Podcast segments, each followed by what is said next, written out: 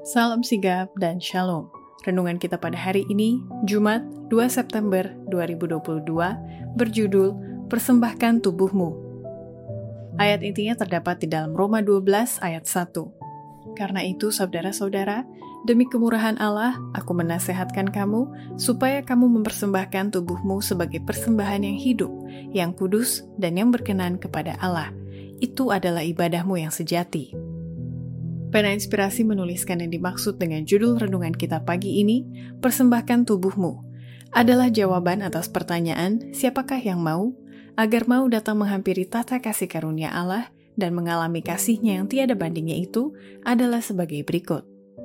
Pertama, alasan kita perlu mengikuti nasihat Paulus, persembahkan tubuhmu, Dikarenakan itulah yang dikehendaki Allah agar kita mempersembahkan tubuh, pikiran, hati, jiwa, dan kekuatan kita di bawah pelayanan kepada Allah.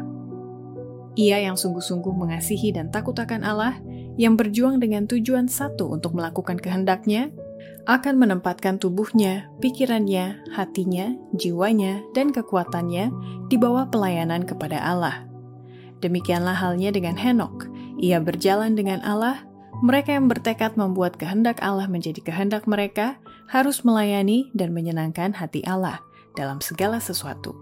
Kemudian tabiat akan selaras dan seimbang, konsisten, gembira, dan benar.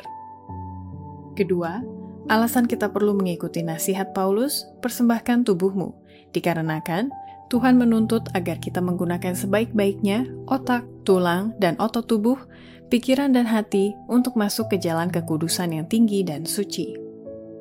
Pendidikan yang benar meliputi manusia itu seutuhnya. Pendidikan yang benar mengajar pribadi penggunaan yang benar atau diri seseorang. Pendidikan yang benar menyanggupkan kita menggunakan sebaik-baiknya otak, tulang, dan otot tubuh, pikiran, dan hati kemampuan pikiran sebagai penguasa yang lebih tinggi memerintah kerajaan tubuh. Selera dan nafsu alamiah harus ditaruh di bawah pengendalian hati nurani dan kasih sayang rohani. Kristus berdiri di kepala kemanusiaan dan adalah maksudnya untuk menghimbau kita dalam pelayanannya masuk ke jalan kekudusan yang tinggi dan suci.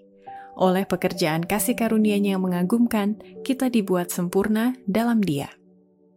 Ketiga, alasan kita perlu mengikuti nasihat Paulus, persembahkan tubuhmu, dikarenakan kita perlu membuktikan telah memelihara dan menjaga dengan sebaik-baiknya semua kuasa pikiran dan tubuh yang dikaruniakan Allah itu buat pelayanan baginya.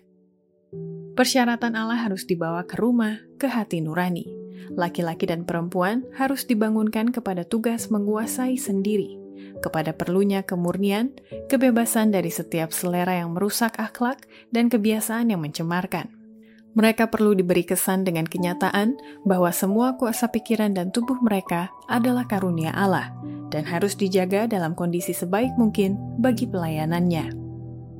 Keempat, alasan kita perlu mengikuti nasihat Paulus, persembahkan tubuhmu, dikarenakan jika ada yang memanjakan diri berlebihan, itu adalah dosa.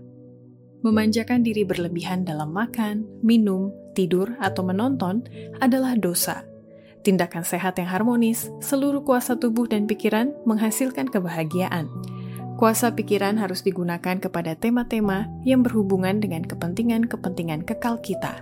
Ini akan baik untuk kesehatan tubuh dan pikiran. Demikianlah renungan kita pada hari ini. Kiranya Tuhan memberkati kita semua.